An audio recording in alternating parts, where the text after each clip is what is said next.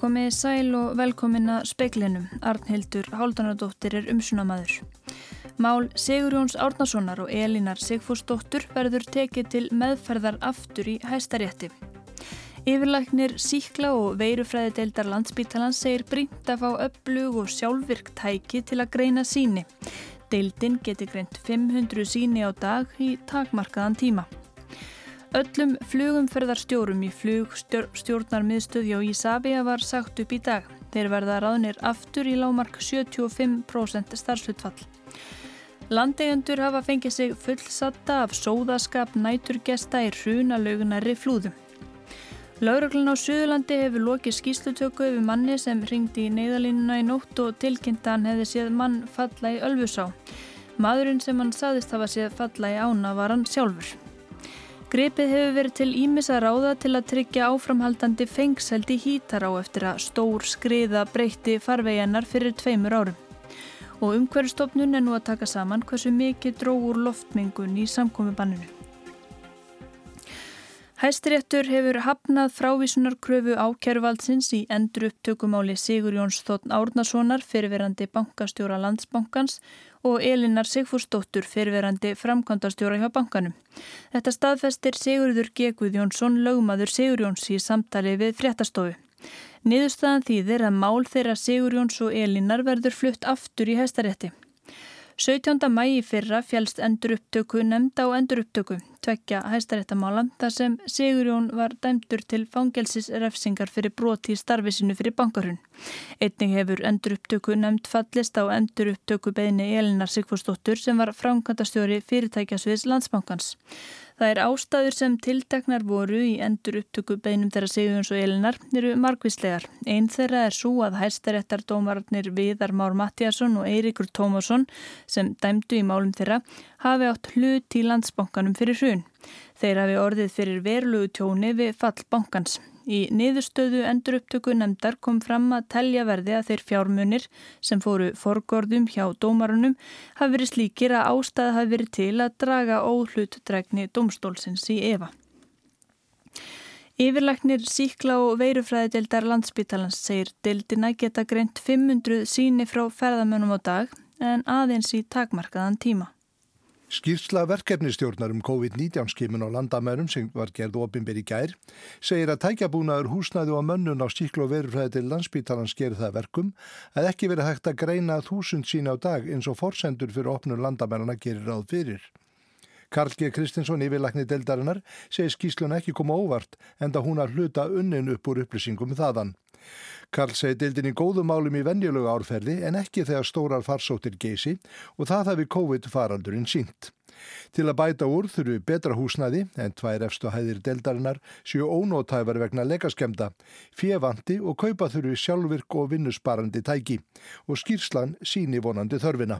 Já, einmitt og uh, þetta verður vonandi til þess að uh, ástandið verði lagað hérna eða aðstæðunar hjá okkur þannig við höfum öflöru tækjabúnað og betra aðstæðu. Karl segir vilja hjá stjórnvöldum að bæta úr. Það að greina 500 ferðarmenn á dag, því það verðum kannski að greina svona 700 síni á dag, það eru 200 sjúklingar síni og uh, við höfum tækjabúnaðin til þess en það er vandamálið er að við okkur vantar sjálfverknina til þess að undirbúa sínin í tæki. Það er mjög mikil handavinna og álaga á starfsfólki að gera það eins og við gerum núna eða sínafjöldin er mikill og þá er líka meira hættu á mistökum þannig að það grínt að gera auka sjálfverknina eins og hægt er. Karl segir reyndar ekki hlaupið að því að fá tækin því þau eru eftirsótt, svo kallan pípetturróbot væri hægt að fá miðjan júli og upplugt sjálfur tækju miðjan oktober. Aðspurður hvort hægt sé að gera ráð fyrir erlendum ferðamennum í sumar, segir Karl. Það er spurning, það er náttúrulega er annar aðili hér á landi sem hefur verið að greina og það er spurning hvort að hann gæti aðstofað þanga til að aðstæður hér á þessari deildu verður orðnar fullnægandi. Þetta var Karl G. Kristinsson Haugur Holm tók saman. Partistand og óþryfnaður hefur verið við hruna lögnari flúðum í vor. Landegendur eru þar á vöktum um nætur til að vísa fólki burt.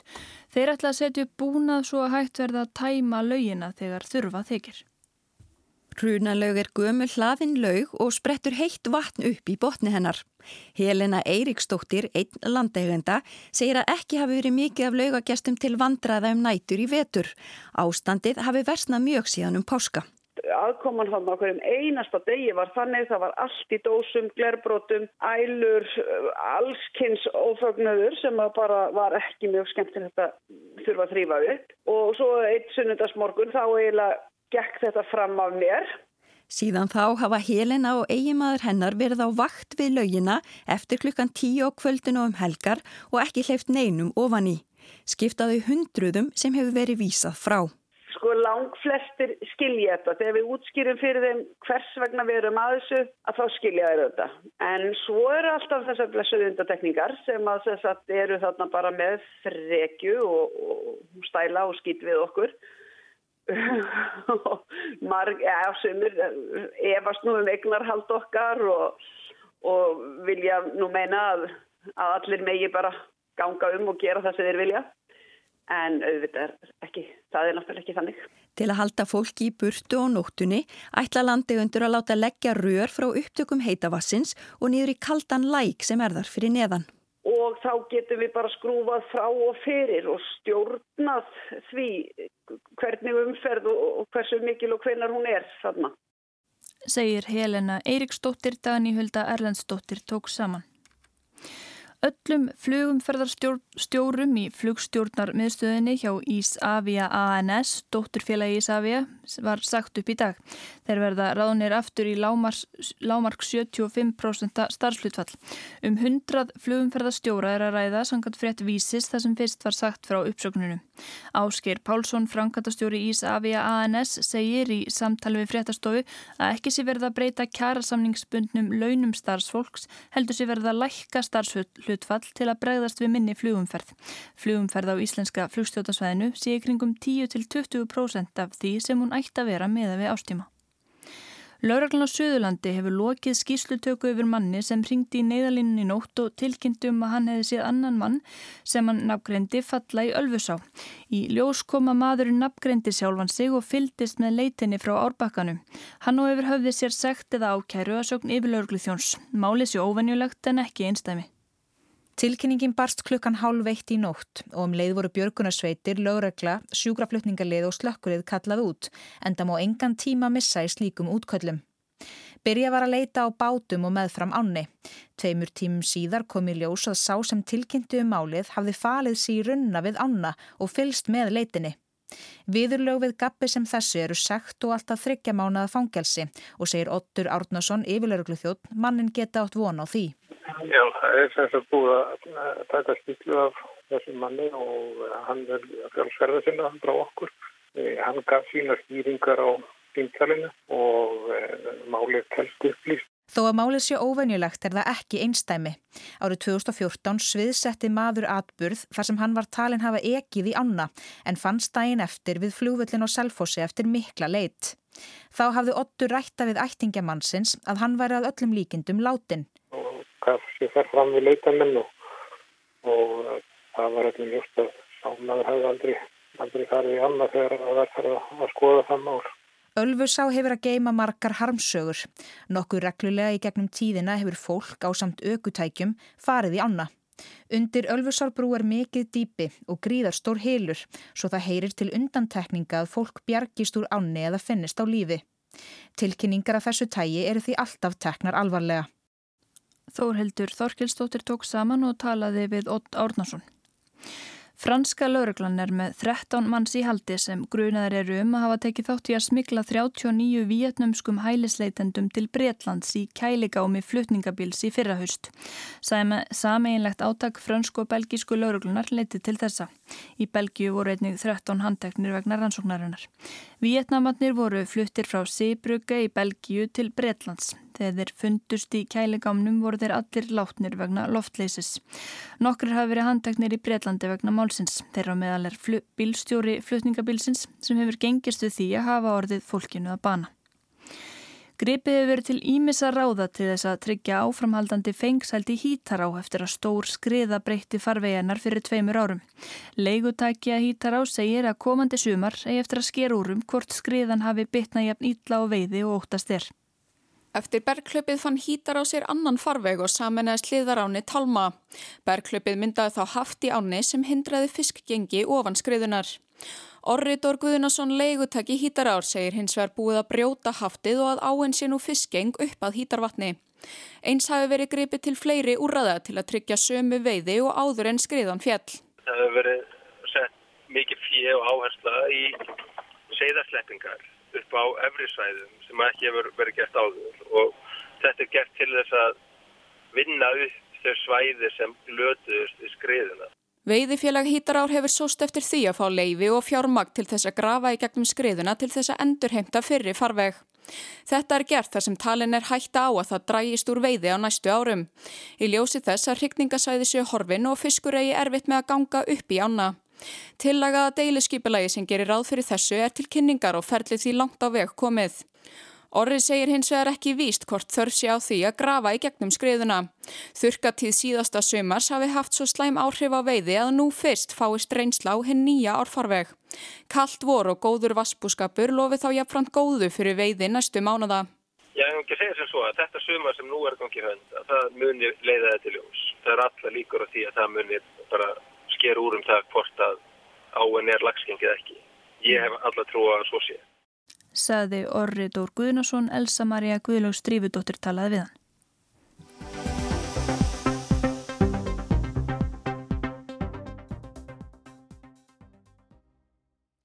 Æslandi er stefnir að því að hefja daglegt flug til Kaupmannahafnar, Amsterdam, Frankfurt og fleiri borga fljótlega eftir 15. júni. Óvist er hvort farþegafjöldin verður í samræmi við getur stjórnvalda til að taka síni. Í nýri skýrslu verkefnistjórnarum sínatöku er gengið út frá því að flugreikendur gegnir stóru hlutverki í að upplýsa farþega um sóttarnaraglur hér. Þá er mælst til þess að sett verði lög sem skildi flugfjölögin til að gangur skuggum að allir sem hinga að koma hafi fyllt út ferðaskilmála. Birna Ósk Einarstóttir frangatastjóri Sölu og þjónustusviðs Æslander eins og er að geta hann til að taka síni takmörskuð. Veirufræðadeildin getur tekið 500 síni á dag sem að samsvarar að með skilstum tveimur vélum. Sóttvartalækni bindur náttúrulega vonið við að Íslensk erðagreining hlaupundir bakka og þá vantilætti þessi geta aukast svolítið en það er ákveðin óvisa um fjölda sína sem verður hægt að taka á dag. Ætlið þið að taka eitthvað tillit til þess og haga í rauninni frambóði eftir getur stjórnvalda til að taka síni?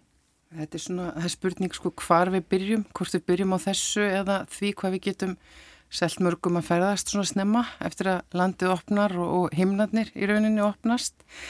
Til að byrja með þá í rauninni horfum við þannig á það að nú erum við að reyna að búa til skinsamlega leið til að nálgast svona í rauninni mögulega farþega okkar leikil mörgum og förum fljótlega að marka setja okkur og, og selja á þeim mörgum, svona vonandi bara í næstu viku og þá fyrir við að sjá hverinn raunverulega eftirspurn er og það er kannski ekki hægt að segja mikið fyrir en að það aðeins fyrir að koma í ljós sko. Það er líka áhægt að takmarka kynningarstarfið of mikið og vöruframbóðið ef það er kannski eftirspurnaðna sem að hérna, við myndum þó ekki vera að finna. Þannig að þetta er mjög mikið hænan og ekki í þessu tilfelli. Uh, við erum að tala um að þetta sé allavega þessar fyrstu tvær vikur og óljóst hvað kemur í kjálfarið. Þegar maður byrjar að selja flug með mánaðar fyrirvara eða minna, það náttúrulega er takmarkað hversu mikið kemur inn í kerfið á svona stuttum tíma. Þannig að ég held að fyrstum sinn þurfum við kannski ekki að hafa áhyggjur af þessu. Við þurfum meira bara að fókusera mjög vel hvar við ætlum að reyna að selja, hverja við viljum fá hvaða lönd eru opinn og reyna að vekja aðtegli þeirra á því hversu reynd landið er, hversu mikið plássið er og hversu vel er gætt að sóttvörnum og þá kannski fyrir að sjá ef að eftirspurnin er yfirdrifin þá kannski verður til eitthvað samtal um það hvort við treystum okkur í hérna, þessi test en ég myndi segja að það er því luxusvandamál. Þá kannski bara um þessa skýrslu verkefna stjórnarinnar í, í heild og svona það hvernig hún sér hlutverk flugfélaga, flugreikanda. Mm. Hvernig líst ykkur á það? Þetta bætir auðvitað við okkur verkefnum og við þurfum að svona koma inn í ferlin og taka þátt í að tryggja að fólk hafi uppfyllt á hvern skilirði, upplýsa þau um að þau þurfi að uppfylla á hvern skilirði og í rauninni að fara yfir það áður en fólk kemur um borð líka. Að, að það séu komnar allar upplýsingar og svo framvegs. Og þetta er bara verkefni sem við í rauninni vorum að fá upplýsingar um og stöndum framifyrir að útfæra hvað okkur varðar. Þetta svona minnir um margt á, margt á því sem við gerum fyrir eh, bandarísku yfirvöld eins og til dæmis þurfum við öll að vera með ákveð, ákveðnar heimildir til að geta bara stíðum borði flugvilt í bandaríkjana. Þannig að þetta svona hljómar eins og eitthvað sem við höfum gert áður. Við þurfum bara að snúa því við og láta það ganga upp fyrir þetta. Svo erum við auðvitað í reglubundnu sambandi við farþega fyrir brottfur og sendum þeim skilabóðum svona það sem er í bóði um borð og hvað er langt í flugið og svona og erum að, erum að veita þeim ákveðnar upplýsingar á leiðinni svona í aðdraganda ferðar. Og þetta kallar þá auðvitað líka á það að upplýsingarnar um þetta fari inn í það ferli.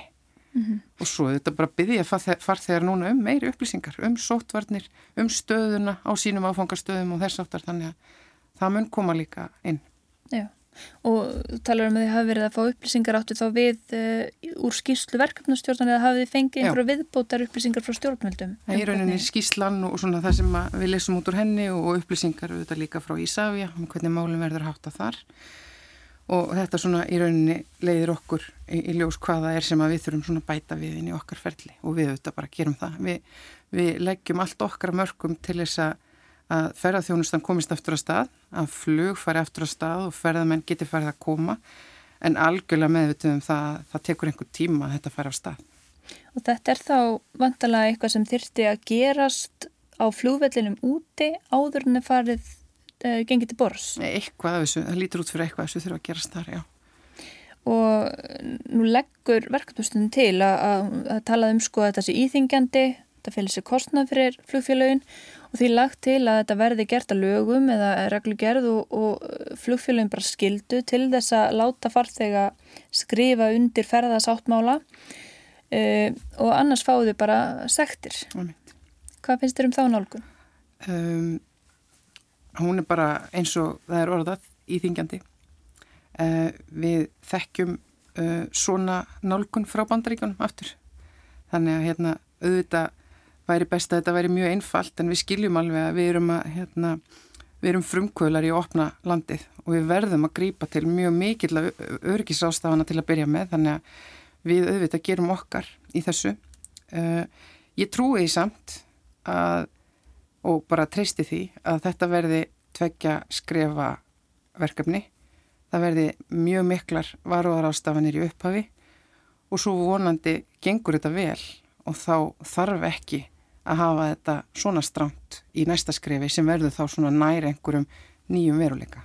Vistu þú við því kannski bara að þegar þetta verður endumeti strax í byrjun júli þá verður við bara komin svona í já, þá stöðu sem að var áður en að eh, COVID kom?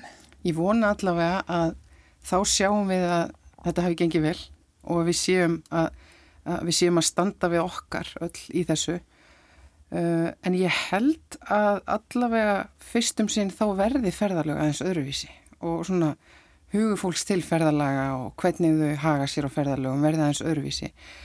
Ef þetta verður nú þannig að það verður áfram, sérst, tek, verður áfram tekin síni, uh, það verður bara framlengt þetta tímabil þar sem að þarf að taka kannski mörg þúsund síni á dag allt eftir því hversu margir koma.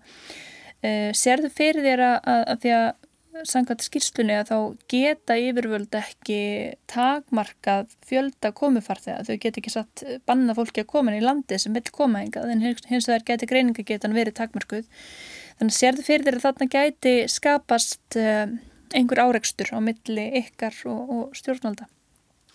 Ég sé þetta frekar þannig fyrir mér að greiningargetan muni vaksa eins og við höfum séð bara hversu ótrúlega vel helbriðskerfi tók á verkefnunum sem komu upp í ástandinu með aðstóð íslenskra erðigræðingar og ég trúi því alveg að hún muni að vaksa á samarraða á eftirspurnin.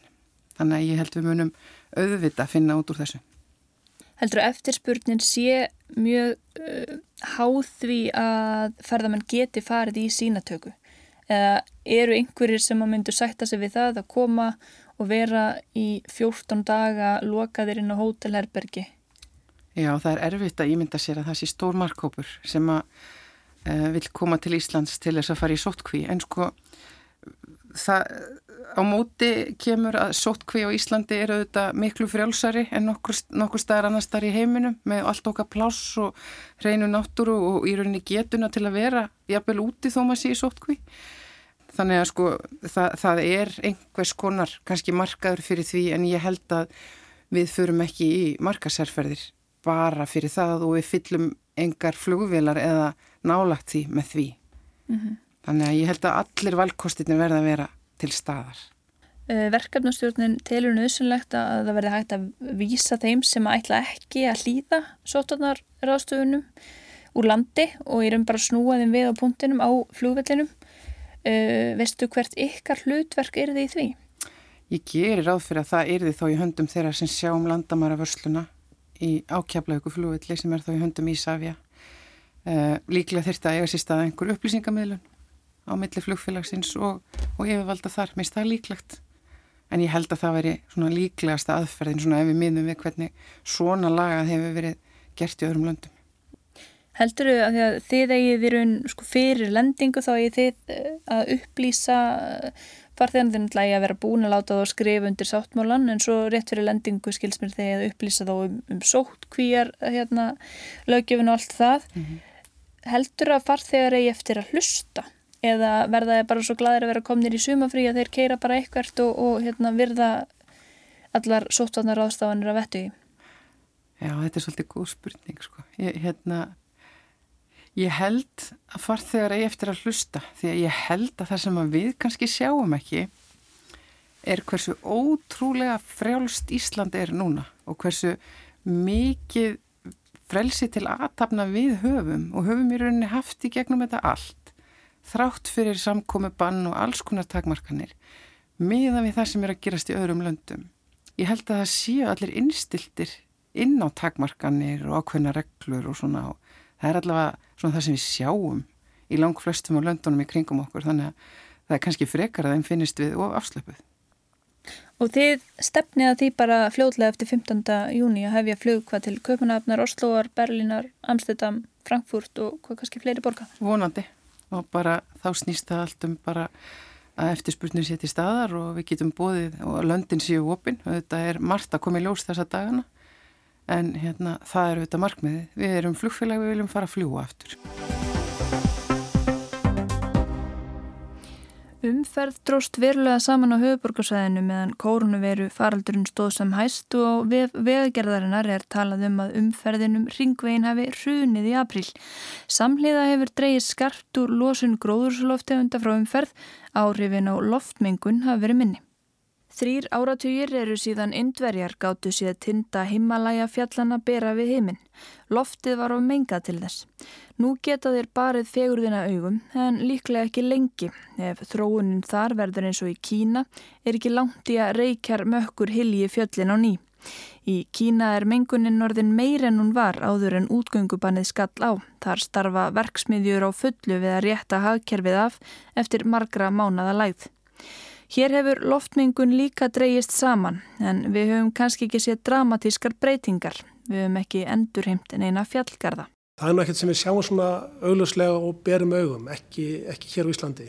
Almennt séð er loftmengun mjög lítil á Íslandi, við höfum í besta sæti í Európu.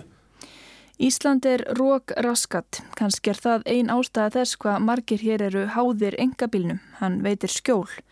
Rókið þinnir líka út mengunina, Þorstein Jóhansson, loftgeðasérfræðingur hjá umhverjastofnun sem við heyrðum í hér aðan, segir að á COVID-máli mætti orðaða svo að rókið fleti kurvuna.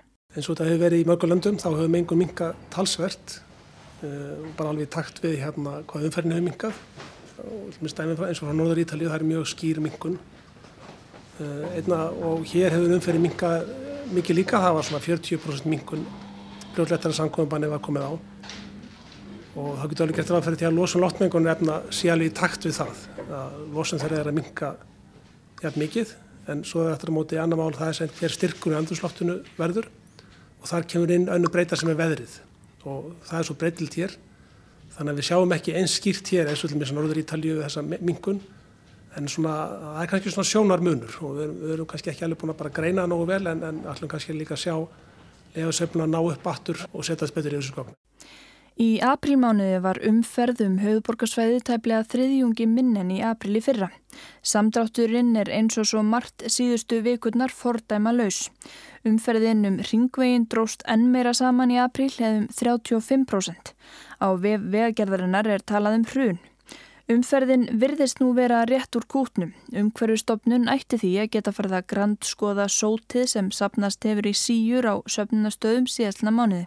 Já, allavega sko loftmengun og tölur sem styrkur efnaðin lofti gerir ég að fyrir einhvern veginn maður setjast yfir og skoða þá sérstaklega fyrir þetta tíðanbíl. Hvernig það er mingaðið þá til að samkvæmbanni var sett á og svo líka hvernig það ekst aftur. Nú er maður sér bara umferðin að hún er greinlaugast og þá gerir maður aðferða umferðin og senda að mengun aukist í einhvern takti við það. Síðustu vikur hefur umferð aukist jæmt og þétt á höfuborgarsvæðinu og í þar síðustu viku var hún farin að nálgast umferðinni fyrra. Það muniði bara örfa um prósendustugum.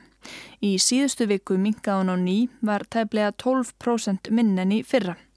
Vegagerðin tilur að uppstikningadagur kunni hafa haft áhrif þar. Óvisa ríkjur um framhaldið það hvernig umferðin verður í sumar veldur og því hvort Íslandingar ferðist innanlands í meiri mæli en áður. Ljóst er að margar bæjarháttir verða blásnar af, umferðin verður kannski öðruvísi og minna um staðbundna flöskuhálsa. Vegagerðin tilur hugsanlegt að umferðin um ringvegin verði meiri í fyrra. Á móti myndum þá draga saman á höfuborgarsæðinu þegar borgarbúar brun út á land. Næstu vikur ætti að gefa vísbendingar um hvað verður. Hér sést loftmengun helst í froststillum á veturna og í lok vetrar þegar bílar eru enn á nagladekkjum og göturnar orðnar þurrar. Þá sjáum við loftmengunna byrjum augum. Almennt segir hann að umferðarmagnið hafi mjög greinileg áhrif á loftmengun, engum styrk niturdíóksís og annara efna sem koma úr útblæsturinnum. Á höfuborgarsvæðinu séu áhrif af morgun og síðdegistrafikinni dagkvætt mjög greinileg Vegna veður áhrifa helst styrkur mengunarinnar þó ekki alveg í hendur við útblásturinn. Þorstein skýtur á að mingi umferðum helming drægist loftmengunin kannski saman um 20%. Svifriksmengun getur til dæmis verið mikil þó umferðin sé valla svipur hjá sjón. Bara sem dæma akkurir fljóðrættar samkominbanni var sett á þá hérna þá lóksins urðu götturna þar snjólóstar og þórnuðu. Þá komu nokkur dagar með mjög mikilir svifriksmengun samt í miðju samkomabanni þannig að það, ef að göttunar eru óhreinar þá þarf ekkert marga bíla til að þyrla upp miklu ríki.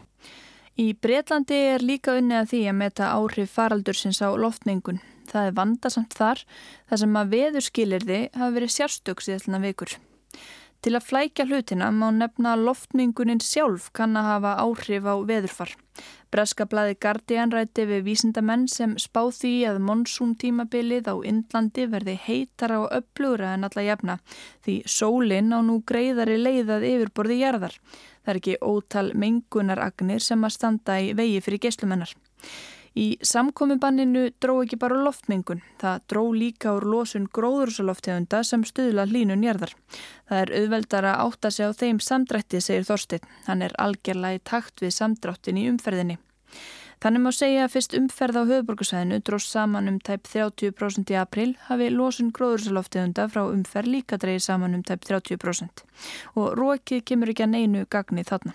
Það voru menn bara að horfa á losunna þannig að ekki lokal styrk á hvernig stað þannig að þá kannski skiptir veðrið ekki máli heldur bara heldarlósunni og til dæmis ef við horfum á flugumferð hérna ég held að flugumferð er að minka sko 98% og þá er lósun gróðsaloftegund að minka bara alveg í, um sumu tölu 98%. Hann telur að þetta skilir sér í loslasbókaldi stjórnvalda fyrir árið 2020 það dræja minnstakostur lósun frá umferð. Sumir hafa ágjör á því að faraldurinn og kreppan í kjölfar hans leiði til bakslags í umhverfis og loslasmálum. Sveitarfélag í Evrópu eru byrjuð að ræða hvernig megi forðast slíkt bakslag. Sumstaðar hefur áhersla á að draga úr bílaumferð og þar með loftmengun aukist. Í Mílanó hefur 35 km vegkabla verið breytt í göngugötu. Í París á öll þjónusta vera í innan við 15 mínútna fjarlað frá heimilum fólks og í Manchester á að göngugötu væða stóran hluta miðbæjarins. Að vísi nú búið að fresta þeim áformum vegna COVID. Sumir vona að hægur taktur, heimavinna og hjólaæði síðustu mánada leiði til þess að fólk temmi sér umhverfisvætni lífstíl en það geristu þetta ekki að sjálfu sér. Telur Þorstein að stjórnvöld hér hafi nýtt tíman til að huga því hvernig breyta megi ferðavennjum til lengri tíma litið. Ég er ekki kannski hvort stjórnvöld hafi nýtt tíman akkurat núna en, en ég er svona vonað að þetta verði til að íta við fólki og, og verði kannski einhver hugafarsbreyting það eru margir að sjá að það er, það er hægt að hjóla, það er hægt að ganga og, og það er alveg hægt að halda stóra fjárfund og það virkar alveg ágæðlega þó að sé svona öðruvísi að þetta hefur kost og galla bara sem dæmi, ég var nýlega á Erlendum fyrir nokkur dögum á, á svona eróskum fundi þar sem voru sko 100 þáttækundur og, og hérna það gekk alveg fyrðarlega vel. Saði Þorstein Jóhansson.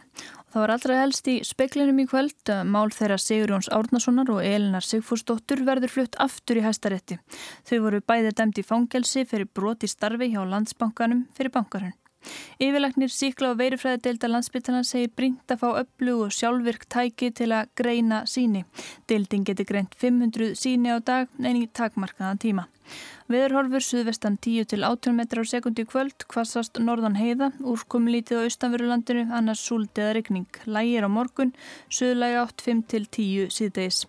Bjartveri á norðaustur og austurlandi en dálit til regning öðru hverju sunnan og vestanlands hiti 8 til 17 stig hlýjast norðaustan til. Tæknumæður í útsendingunni kvöld var Hafgjell Sigursson, verið sæl.